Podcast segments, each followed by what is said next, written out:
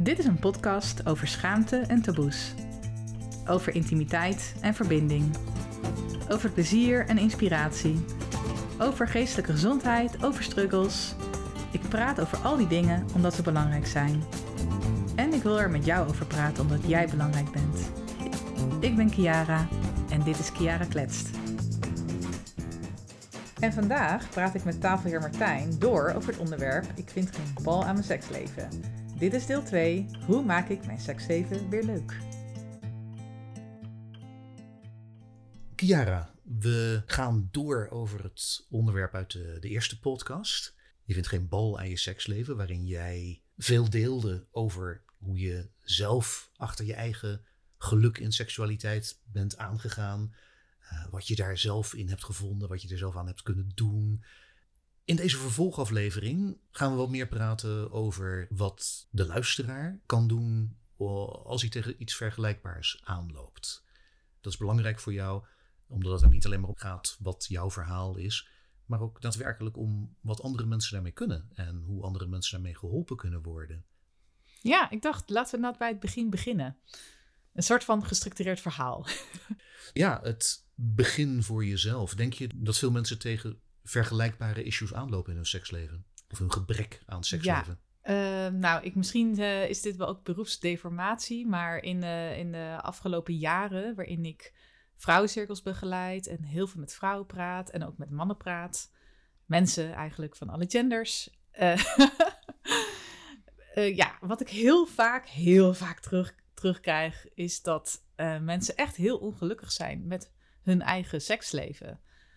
En op een veel dieper level eigenlijk heel ongelukkig zijn met hun lichaam. En dat is een soort van heel nauw verbonden met elkaar. Ja, denk je dat dat, dat dat de basis is van ongelukkig zijn met je seksleven? Begint het altijd bij je lijf? Ja, ik denk bij heel veel vrouwen vooral. Uh, ik zie dit issue veel bij vrouwen. Is dat zij ontzettend kritisch zijn op hun eigen lijf. Uh, zich schamen voor hun eigen lijf. Ze schamen voor de geluiden die ze maken. Ze schamen voor de geur die hun uh, vagina afgeeft. Ze schamen zich voor hun borsten. En ja, als, je inderdaad, als, als er zoveel negatieve overtuigingen zijn over je lichaam, dat belemmert de seks echt heel erg. Dan, gewoon, dan, dan, dan kunnen ze zich niet helemaal overgeven en zich vrij voelen. En, en daar begint het mee. Als je een probleem hebt met je lijf, dan lijkt me dat plezier bijna onmogelijk is. Ja, en toch vinden het allemaal best wel normaal. Of vindt het van jezelf normaal. Dus ik, er zijn zoveel vrouwen uh, met wie ik gesproken heb zeggen... Ah joh, ja, ik ben zo dik en lelijk. Ach ja.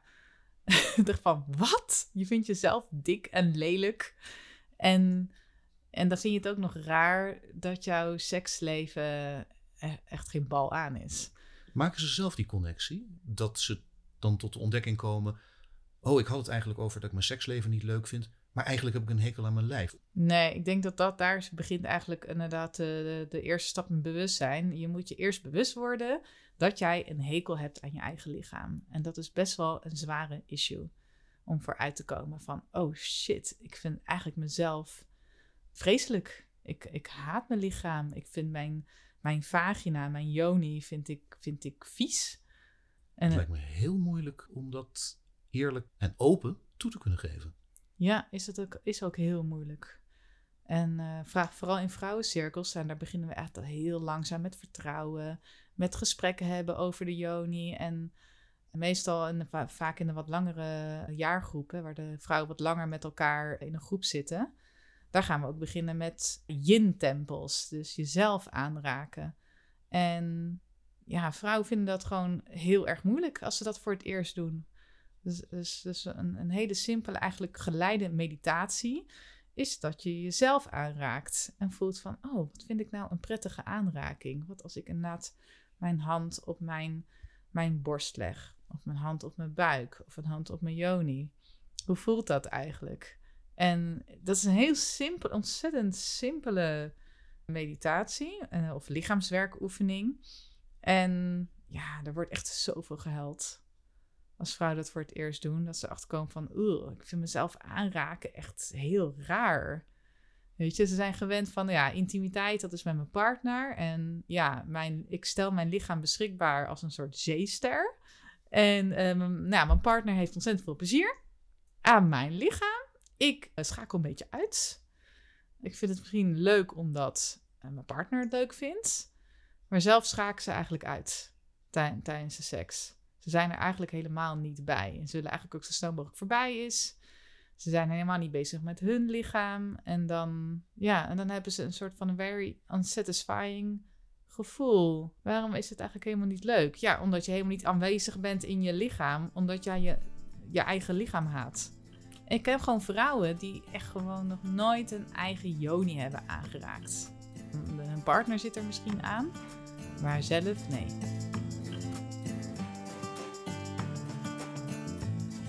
Er is, vind ik, een groot verschil tussen eh, masturberen en je joni aanraken.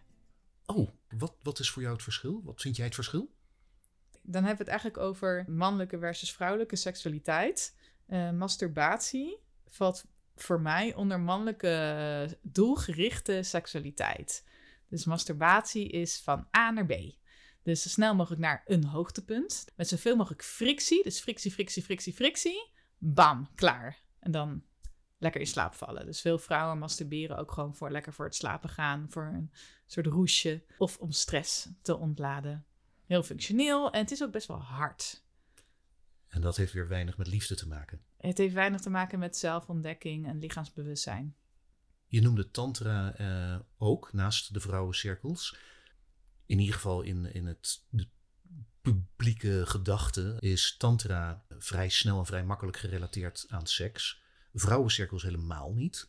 Ik kan me dus voorstellen dat vrouwen met een heel andere vraag of een heel ander doel naar verschillende eh, groepen, verschillende bijeenkomsten gaan. Als je naar Tantra gaat, dat er al sneller een gedachte zit aan het plezier beleven aan je lijf, terwijl dat bij vrouwencirkels niet het geval is.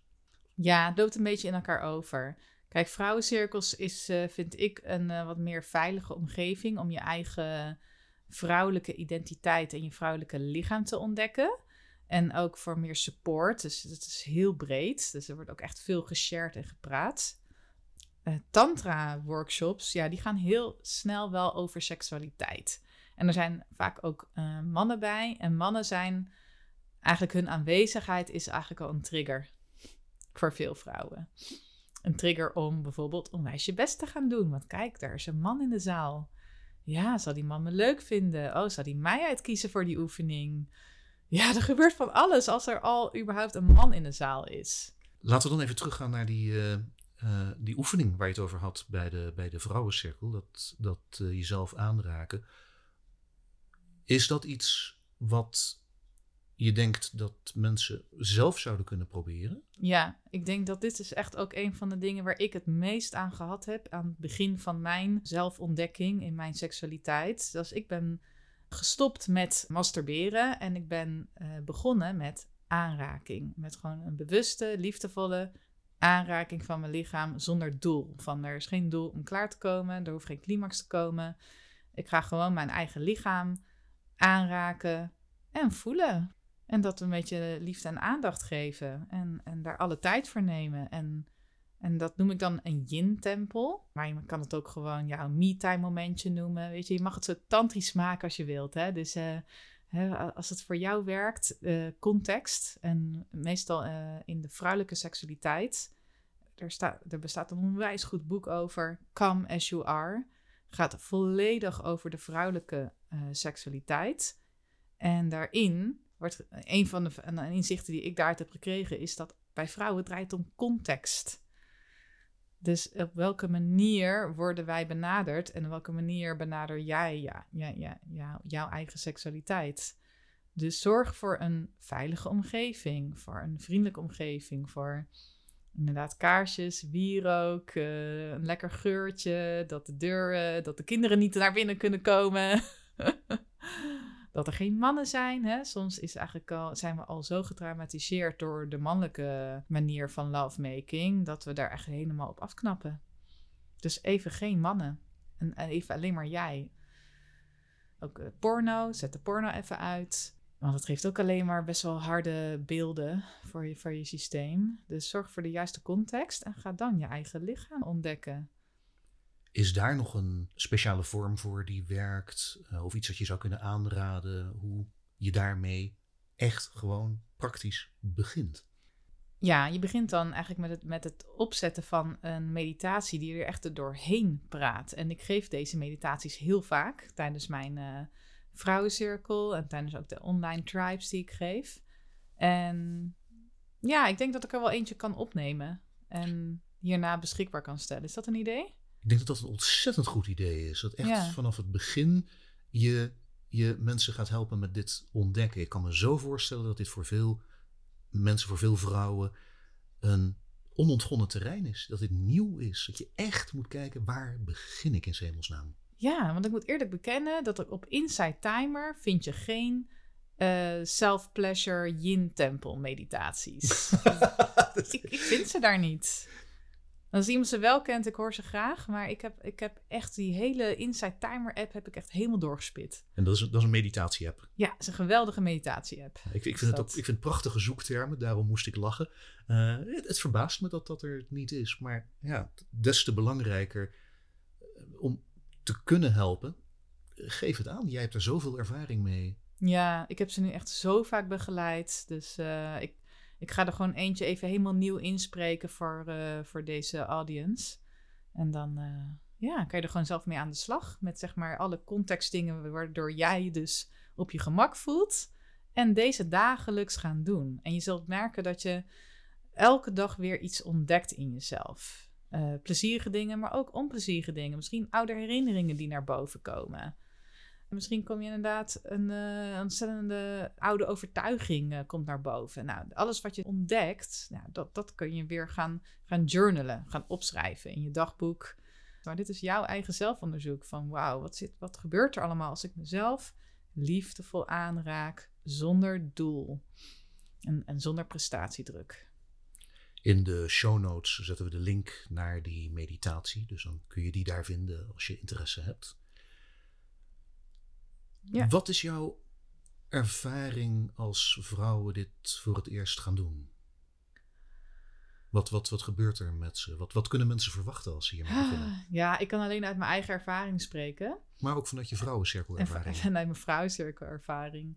Ja, daar is één ding, en daar is bijna eigenlijk gewoon ook de hele wetenschappelijke sector nu ook over eens, is dat het lichaam onthoudt herinneringen.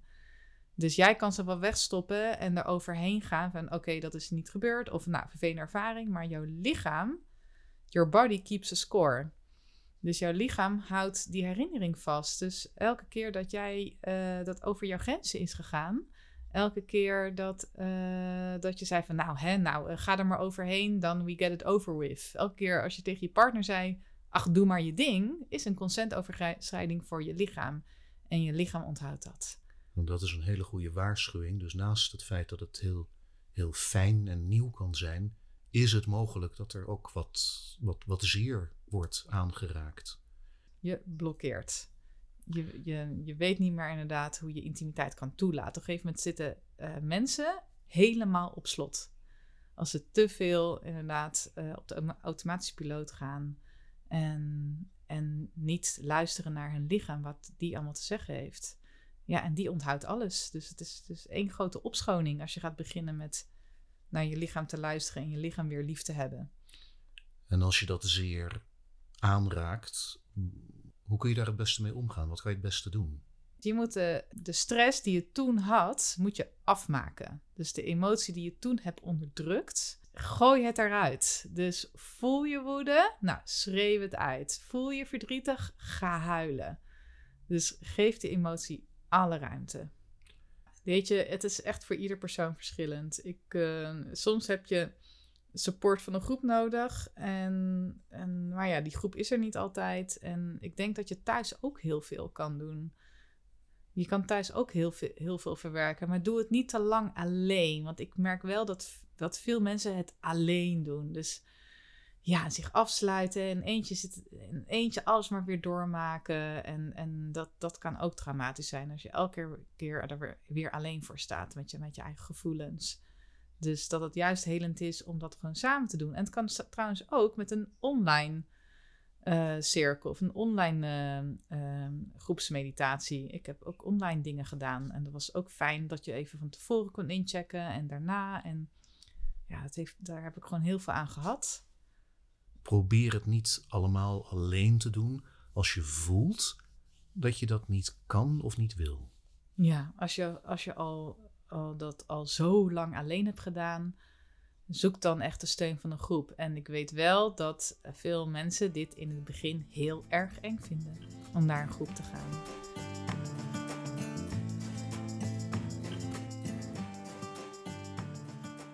Ja, uiteindelijk, als je dit zelfonderzoek aangaat, uh, gaat het uh, geleidelijk, geleidelijk over in self-pleasure. Dus het zelfonderzoek wordt heel erg plezierig. Dus op een gegeven moment ga je jezelf opladen. En ga je zelf, ga je, kan je eindelijk beleven hoe het is om een seksleven met jezelf te hebben. En dat jij een bron bent van plezier en een bron bent van ontspanning. En dat je daarvan niet afhankelijk bent van iemand anders. Hoe maak je die schakeling? Omdat je je lijf voelt en dat het eigenlijk lastig is of pijnlijk of moeilijk of zelfs dat er echt trauma zit, naar dat het oké wordt, naar dat het fijn wordt. Ja, daar is geen, uh, er is geen magische switch. Nee. Dat is gewoon een geleidelijk pad. Wat iedereen heeft af te leggen. En je gaat gewoon, het is een daily practice. Het is een daily practice van jezelf liefhebben, jezelf ontdekken. Een gegeven moment, inderdaad, is het bij mij geswitcht. Dat ging heel geleidelijk. Dat ik ontdekte dat ik gewoon drie kwartier lang mezelf zat aan te raken met een pauwenveer. En dat ik het echt heerlijk vond.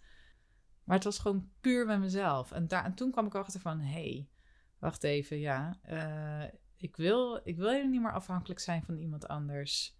Ik heb alleen mezelf nodig. Dus nu ben ik van mening dat eigenlijk 80% van jouw seksleven ligt bij jou. In jouw handen en jouw verantwoordelijkheid. Als ik het mag samenvatten, kom eerst tot het besef dat je zelf daar een behoorlijke verantwoordelijkheid in hebt en mag hebben. Creëer een veilige context waarin je dat kan gaan onderzoeken, waarin je je veilig en prettig kan voelen met je lijf. Wees je ervan bewust dat er dingen kunnen loskomen die minder prettig zijn. Probeer vanuit daar verder te gaan naar het oké zijn en zelfs plezier hebben met je lijf. Ja. Is dat een beetje de lijn? Ja, zeker. Ja. Oh, en heel belangrijk, als je het gevoel hebt dat je het in je eentje niet kan, vind gelijkgestemden. Ja, precies. Uh, even heel belangrijk, want je, je noemde het terloops al even. Um, de nadruk ligt nu logisch een beetje bij vrouwen, vrouwencirkels, uh, de, trauma's die ook daarbij horen. Maar ja, mannen, hetzelfde verhaal.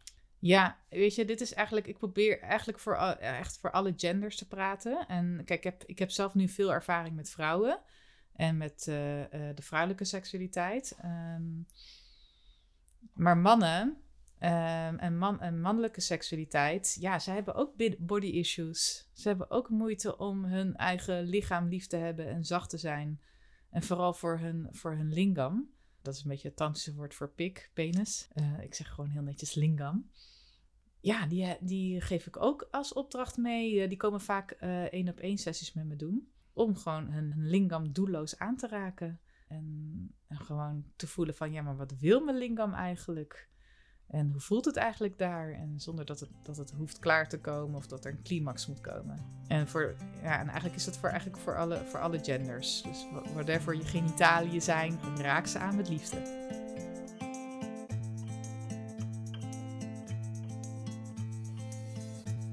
Is er verder nog iets met betrekking tot body positivity, uh, body issues, waar je tips zou kunnen hebben voor mensen die daar tegenaan lopen, waar het het belemmeren van hun seksu seksualiteit betreft? Ja, ik zat net te bedenken, uh, wat is nou de link met een beter seksleven? Dus hoe maak je seksleven leuker? En nou ja, wat er uiteindelijk nodig is, is als jij jezelf super hot en sexy vindt en je bent helemaal enthousiast over je eigen lichaam, en je weet ook nog eens wat jouw lekkere plekjes zijn en je fijne plekjes. Dat communiceert voor de ander echt gewoon uh, eh, 300% makkelijker. Want we geven heel veel verantwoordelijkheid weg aan de ander. Vooral, ja, oldschool, uh, de, de vrouw geeft veel macht aan de man. Van nou, hè, man, doe jij je ding en uh, jij weet wat ik lekker vind. Ja, hallo. Neem lekker verantwoordelijkheid voor jezelf. Weet je, vertel jij eens aan die man wat je lekker vindt. En, en laat gewoon je lichaam zien in volle glorie. En schaam je niet tijdens de seks. Dat is voor, een, voor die man ook veel leuker. Ik denk dat dit een heel duidelijke volgende stap is. Het is één ding om je, je eigen lijf te accepteren zoals het is. Laat staan om het te kunnen voelen als iets moois en iets fijns en iets waarmee fijn, fijn gespeeld kan worden. Het is weer iets heel anders om te kunnen en durven zeggen wat je fijn vindt. Ik denk dat er heel veel schaamte zit om stomweg te durven zeggen: Zou jij dit bij mij of voor mij willen doen, want dat vind ik lekker? Ja, oh ja, dit is echt zo'n goeie wat je hier zegt. Er zit echt zoveel schaamte om op te komen voor jouw eigen verlangen. En om gewoon hardop te zeggen: Ik wil dat jij me beft. Ik wil dat je me kont likt. Ik wil dat je dit en dit doet. ja, ik weet echt zelf nog dat ik dit, dat ik gewoon ja, in bed lag met iemand en dat die iemand de, hele tijd vroeg: wat wil je? Wat wil je? Wat wil je? En ik, en ik blokkeerde helemaal. Ik wist het gewoon niet. En dat ik het eindelijk durfde het te zeggen. Dat ik, ik, kreeg het gewoon mijn strot niet uit. Van ik wil dit. Gewoon, ik, dat ik het eerst moest voelen wat ik wou. Dan moet ik het ook nog hardop zeggen. Ja, hallo, uh, lees mijn gedachten alsjeblieft. Maar zoveel schaamte. En schaamte werkt gewoon niet. Schaamte is de meest ja, nutteloze, blokkerende, secundaire emotie die we hebben in deze samenleving. We hebben echt geen schaamte nodig. Vanuit het standpunt van een, een heteroseksuele man, denk ik dat we ook heel veel teruggrijpen. Ik wil niet voor iedereen spreken, dus dit, nou ja, ik maak het gewoon heel persoonlijk. Ik, spreek voor niemand behalve voor mezelf. Maar ik vermoed dat het heel makkelijk is om op clichés terug te vallen als wil dat je me pijpt. Omdat we dat, dat hebben we gelezen in de boekjes van Jan Wolkers, dat hebben we op de televisie gezien, dat hebben we op de porno gezien. Um, dus dat is een makkelijke schaamlap om er niet over na te hoeven denken. Dit worden wij geacht fijn te vinden. Hoe breken we daar doorheen? Ik zeg het nu specifiek natuurlijk vanuit een mannenperspectief, maar ik kan me zo voorstellen dat vrouwen vergelijkbare dynamieken hebben. Hmm, hoe, hoe, breek je door de clichés heen? Hoe breek je door de clichés heen om echt tot je eigen gevoel en wat je zelf fijn vindt te komen? Ja, ja dat is echt een hele goede. Um, ja, echt de hele samenleving hangt samen aan clichés, helaas. en ja, we worden echt helemaal volgestopt inderdaad door porno en uh, door de katholieke kerk en door onze ouders en door tv. En ja, het is echt gewoon, je moet helemaal teruggaan naar, ja, wat, wat vind ik zelf eigenlijk lekker? En eigenlijk moeten we weer gaan, gaan leren spelen. Dat is eigenlijk mijn, mijn missie in het leven. Van ga alsjeblieft gewoon weer lekker spelen. Laat dat hele seksgebeuren even helemaal los. Hoe begin je met spelen? Wat is spelen? Wat is spelen? Ja. Nou, weet je nog vroeger toen je een jaar of vijf was? Uh, je was een kleuter en uh, je kwam een andere kleuter tegen, een ander leuk kindje. En uh, je kwam er tegen en dacht, hey, zullen we samen spelen? En je zegt, ja, en je begint gewoon. En er komt, je komt een takje tegen in het gras. En dat takje, er wordt een vrachtwagen. Er ontstaat een verhaal. En als kind ga je er helemaal in op. En dat verhaal van tevoren wist je het niet. Er zijn, ja, ja, ja, je had geen idee waar het heen gaat. Het is gewoon volledige fantasie en creativiteit vrije loop. Plus, uh, kindjes hebben geen schaamte over hun lichaam. Dus op een gegeven moment gaan alle kleren uit en smeren zich in met modder. En ze doen allemaal leuke dingen met, met, met elkaar en met, met de spullen die ze om handen hebben. Wat zou je bijvoorbeeld in bed kunnen doen om te spelen? Ah, wat kan je in bed doen? Nou, ten eerste gewoon ga, ga beginnen met spelen gewoon op de bank. Of uh, op, uh, op een kleed op de grond. Ga even van dat bed af. Want het bed is ook een beetje van uh, het, het, uh, een soort Pavlov-reactie. Bed is dus seks. En daar wil je eigenlijk een beetje van afstappen. We moeten even af, af van de clichés. Dus eh, wat ik vaak doe, is ik, ik speel op een kleed op de grond. Dus ik leg op de grond allemaal lekkere matrassen neer en kussens. En dan, nou, omdat we volwassenen zijn, moeten we wel van tevoren eerst afspraken maken met elkaar. dat is consent waar je het vorige keer ook over had. Ja, dus mhm. je begint eerst met uitwisselen van, uh, oké, nou, ik zou het heel leuk vinden om met jou intiem te zijn vandaag, om met jou, om jou te ontmoeten. Zou jij dat ook leuk vinden? Nou, dat is de eerste ja. En dan daarna van, nou, waar, waar zou jij zin in hebben? Dus er moet een startpunt zijn van, uh, zullen we gaan stoeien? Uh, zullen we gaan knuffelen? Zullen we gaan masseren? zullen we um, gekke geluiden maken? En nou, als je dat een beetje het hoofdspel of het startpunt hebt uh, bedacht met elkaar, dan komt, oké, welke delen van mijn lichaam wil ik liever niet aangeraakt worden? En in het begin, hè, als je begint met spelen met iemand die je nog niet kent, ja, je kan met je partner gaan spelen, dat is heel anders. Met iemand die je nog niet kent, kan je bijvoorbeeld zeggen, nou, ik heb liever niet dat je mijn genitaliën aanraakt, of mijn borsten, of mijn keel, of mijn mond. Dus ja, met je eigen partner vaak gaan we er, stappen er een beetje te snel overheen. Dat ik ben, ja, het is mijn eigen partner, dus moi, je mag me overal aanraken. Nee, je gaat met je partner spelen alsof je die voor het eerst ontmoet. Dus voel maar van, hmm, wil ik eigenlijk wel vandaag aangeraakt worden? Bij, me, bij mijn billen. Wil ik dat eigenlijk wel? Als de nee is het gewoon een nee. En ik kan wel aanraden, en dat is gewoon vanuit mijn ervaring uh, met spelen is het, het spelen wordt leuker en creatiever als je niet doet aan penetratie van lichaamsgaten. Nou, we hebben heel veel lichaamsgaten, een stuk of negen. Wist je dat? Hier wil ik serieus niet al te hard over nadenken. Oké, we hebben verschillende ingangen voor ons lichaam. Blijf daar gewoon vanaf. Klaar. Dus bij een nieuw contact is het een heel spannende, speelse, letterlijk manier om elkaar, elkaars grenzen, elkaars voorkeuren te leren ontdekken. En bij partners, vooral langdurige partners, is het dan zo dat het werkt omdat je door de sleur heen breekt? Ja, eigenlijk sleur is omdat je zeg maar in een vast patroon zit. En je doet elke keer hetzelfde en er is gewoon geen opwinding meer en er is geen spanning meer. Dus, en er is ook niets nieuws. En eigenlijk werkt intimiteit en seksualiteit werkt bij de gratie van spanning. En een spel is leuk als je niet weet wat er gaat gebeuren. Spanning, spanning, dat hebben we nodig. Zou je zeggen dat dat het belangrijkste aspect is in, in relaties, in, in langdurige relaties, waar de seks geen bal meer aan is?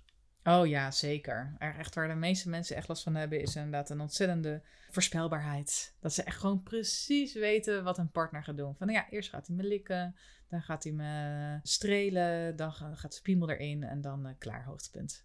En dat elke keer hetzelfde. Ja, dat, dat, dat gegeven moment, uh, dat, dat slaat gewoon je hele creativiteit dood. En creativiteit, seksualiteit, is allemaal dezelfde energie. je moet elkaar weer gaan ontdekken. En dat gaat heel makkelijk met nieuwe personen. Ja, ik ben zelf natuurlijk even een groot voorstander van open en polyamoreuze relaties. Gaan we het een andere keer heel uitgebreid over hebben.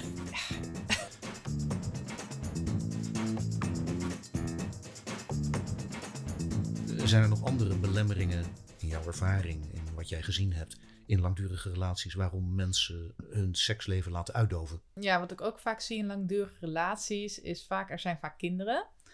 En ja, die ouders zijn gewoon oververmoeid. Ze zijn gewoon doodmoe. En ze vergeten gewoon uh, tijd te maken voor zichzelf en voor hun, uh, voor hun seksleven.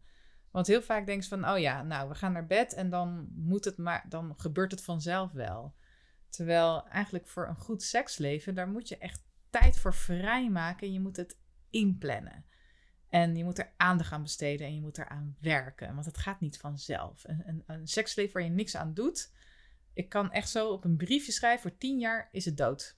Ik denk dat dit heel belangrijk is om te benadrukken, omdat we om, om, om allerlei redenen erg lijken te hangen aan het idee van, maar het moet spontaan zijn, anders is het het niet waard. En jij zegt eigenlijk recht het tegenovergestelde. Nee, plan het. Denk er van tevoren over na. Maak een timing, maak een afspraak. Ja, je moet het echt gewoon uh, met elkaar over praten. Praat Ja. erover. Ja, Zeg- ook een heel belangrijk onderdeel van eh, spontaan is dat je het er dus niet over hebt. Het moet gewoon gebeuren, want dat is romantisch. Ja, nee joh, romantiek, joh, ik eh, geloof daar niet in. nee, je, moet echt, je moet eigenlijk heel, heel praktisch worden. Zeggen van, nou schat, ik, eh, ik zou wel een leuker seksleven willen. En eh, nou, zullen we daar gewoon even vanavond... Oh nee, dat kan je niet. Nou, zullen we dan vrijdagavond daar eh, de tijd voor nemen? Nou, en daar begint het mee. Dus je maakt een afspraak met je partner om het A, eerst daar eens over te gaan hebben. Van, hé, hey, maar wat vind je eigenlijk van je seksleven? Wat vind je eigenlijk van jouw lichaam? Eh, welke issues komen we tegen? Eh, wat zouden we eigenlijk willen met, eh, met ons seksleven? Vind je het oké als ik dat zelf ga onderzoeken? Of zullen we dat samen gaan onderzoeken? Hè? Dat zijn allemaal dingen die moet je echt allemaal met elkaar bespreken. Nog even heel specifiek, omdat je het over kinderen had. Denk je dat er nog een verband is tussen ehm, het baren van kinderen en al dan niet plezier hebben in seks? Oeh ja, dit is echt een heel gevoelig onderwerp. Omdat ik het natuurlijk zelf ook heb meegemaakt. Maar een, eh, een zwangerschap en een bevalling ja, heeft gewoon enorme impact op eh, je lichaam. Eh, en ook hoe je lichaam verandert. En dat had ik echt van tevoren, heeft niemand mij dat verteld. Dat, ja, ten eerste kwam ik 20 kilo aan, waarvan er 10 kilo nooit meer eraf is gegaan. En ten tweede, je hele onderkantje, zoals ze dat noemen, verandert. Want je hebt niet meer een vagina, je hebt een geboortekanaal. En je scheurt een klein beetje uit. En, en sowieso je hele vagina verandert. Door al die botten, zeg maar. En al die, ja, aan die binnenkant heb je allemaal spieren. Gaan helemaal uit elkaar. Ik weet nog dat mijn verloskundige dat aan me uitlegde. Na de bevalling pas. Van, ja, je hebt zeg maar zo'n vagina. Gaat zo, dat gaat heel netjes zo. Dat sluit allemaal zo in elkaar aan. Maar dan wordt het even, even één keer helemaal uit elkaar. Ehm, ja, doordat dat, je moet een, ja, een bowlingbal uitpersen, zo voelt het. En dan ja, gaat het weer een soort van valt het weer in elkaar, maar niet helemaal. Dus ik keek naar mijn vagina voor het eerst na mijn bevalling en ik dacht: what the fuck is hier gebeurd? Dit is niet mijn vagina zoals ik het kende. En daar schrik je echt enorm van, omdat ik had al niet zo'n goede relatie met mijn lichaam. En daarna was het echt gewoon, ik heb echt het dieptepunt bereikt. Dat ik een, eh, een, een half jaar later voor de, huilend voor de spiegel stond. En ik vond mezelf zo, zo lelijk. En ik denk dat ik niet de enige ben. En eh, op een gegeven moment eh, ja, ben ik echt wel weer van mijn lichaam gaan houden. En vind ik echt mijn maat 42 he- echt helemaal super dikke prima. En mensen die het ge- geen dikke prima vinden, ja, fuck off. Ja. We hebben het nu vooral over mensen gehad die of in een relatie zitten of een dedicated partner hebben. Die in ieder geval al een al dan niet actief of vroeger actief seksleven gehad hebben.